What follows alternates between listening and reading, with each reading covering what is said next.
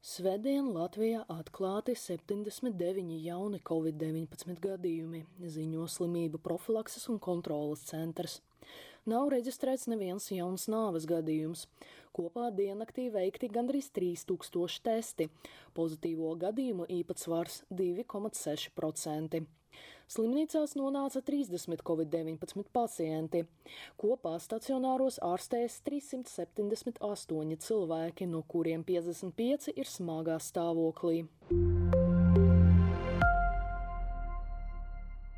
42% Latvijas iedzīvotāju uzskata, ka reālie Covid-19 saslimstības rādītāji ir zemāki nekā apgalvo valsts iestādes, bet 32% domā, ka Covid-19 pandēmija ir schēma, ar kuru slepenie spēki vai elites grib kontrolēt cilvēkus.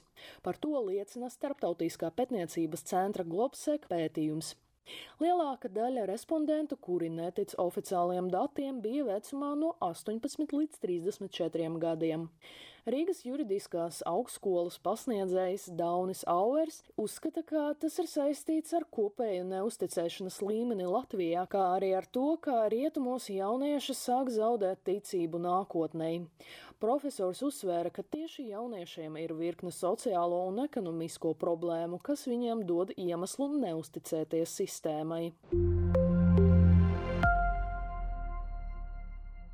Satversmes tiesa ierosināja lietu par normu, kas ierobežoja veikalu darbu lielajos tirzniecības centros.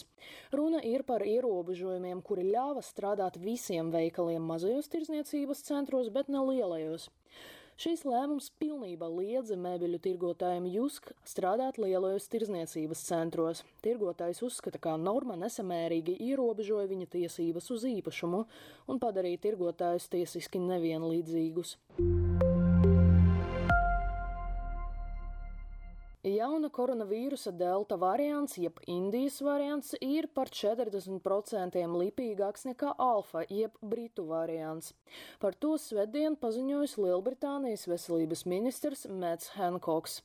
Taču cilvēkiem, kas saņēmuši abas covid-19 vakcīnas dēvas, vajadzētu būt vienādi aizsargātiem pret abiem variantiem.